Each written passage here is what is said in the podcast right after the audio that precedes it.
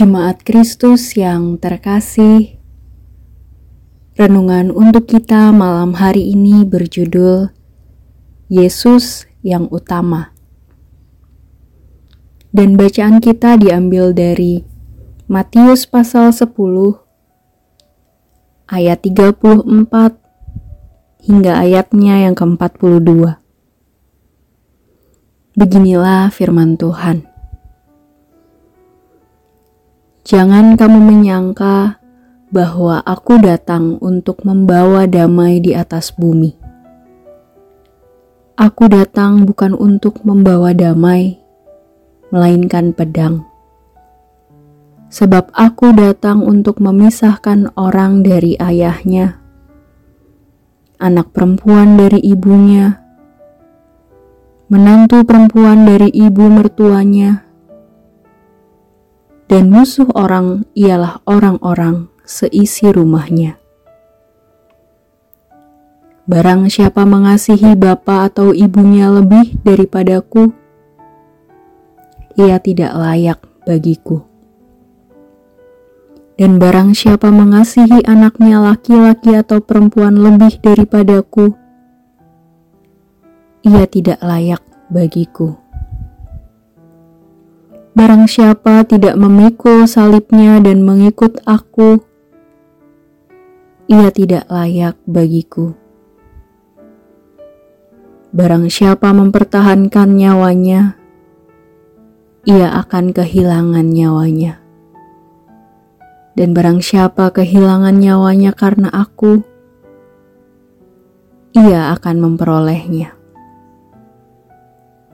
Barang siapa menyambut kamu, ia menyambut aku, dan barang siapa menyambut aku, ia menyambut dia yang mengutus aku.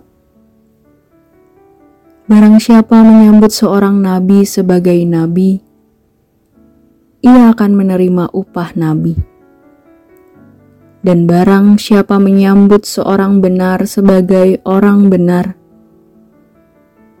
ia akan menerima upah orang benar. Dan barang siapa memberi air sejuk secangkir saja pun kepada salah seorang yang kecil ini, karena ia muridku.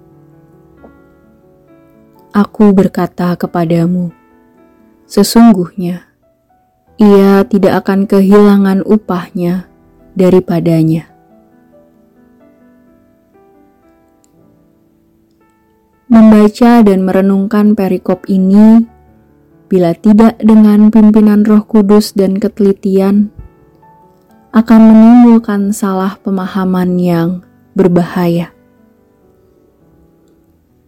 Kita dapat jatuh pada pemahaman yang salah bahwa orang Kristen harus ribut dan konflik dengan semua orang di sekitarnya apa yang dikatakan Tuhan dalam perikop yang kita baca bukan dalam artian kita diharuskan untuk membuat konflik dengan orang di sekitar kita, bahkan dengan keluarga kita. Yang dimaksudkan oleh Tuhan adalah demikian, bahwa saat kita menerima keselamatan yang dianugerahkan oleh Tuhan, itu berarti kita diminta untuk merubah kehidupan kita.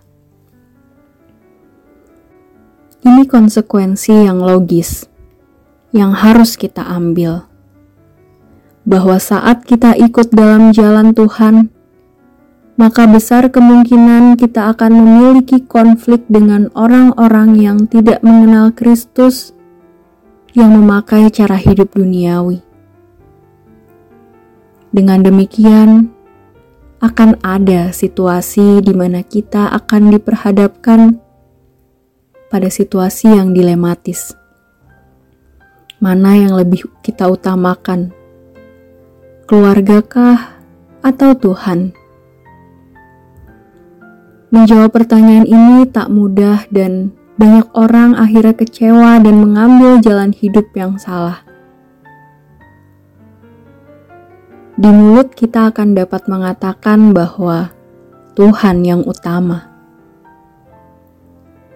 Namun pada prakteknya, itu bisa menjadi hal lain.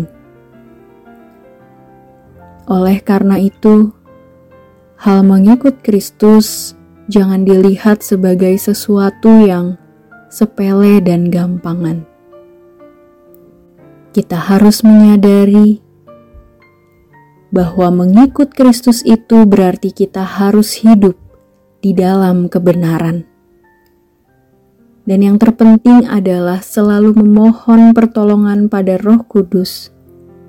Kiranya Allah selalu memampukan kita untuk hidup benar. Demikianlah renungan malam hari ini. Semoga damai sejahtera dari Tuhan Yesus Kristus tetap memenuhi hati dan pikiran kita. Amin.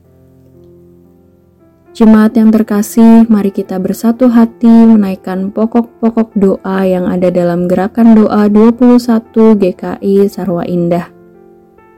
Mari berdoa.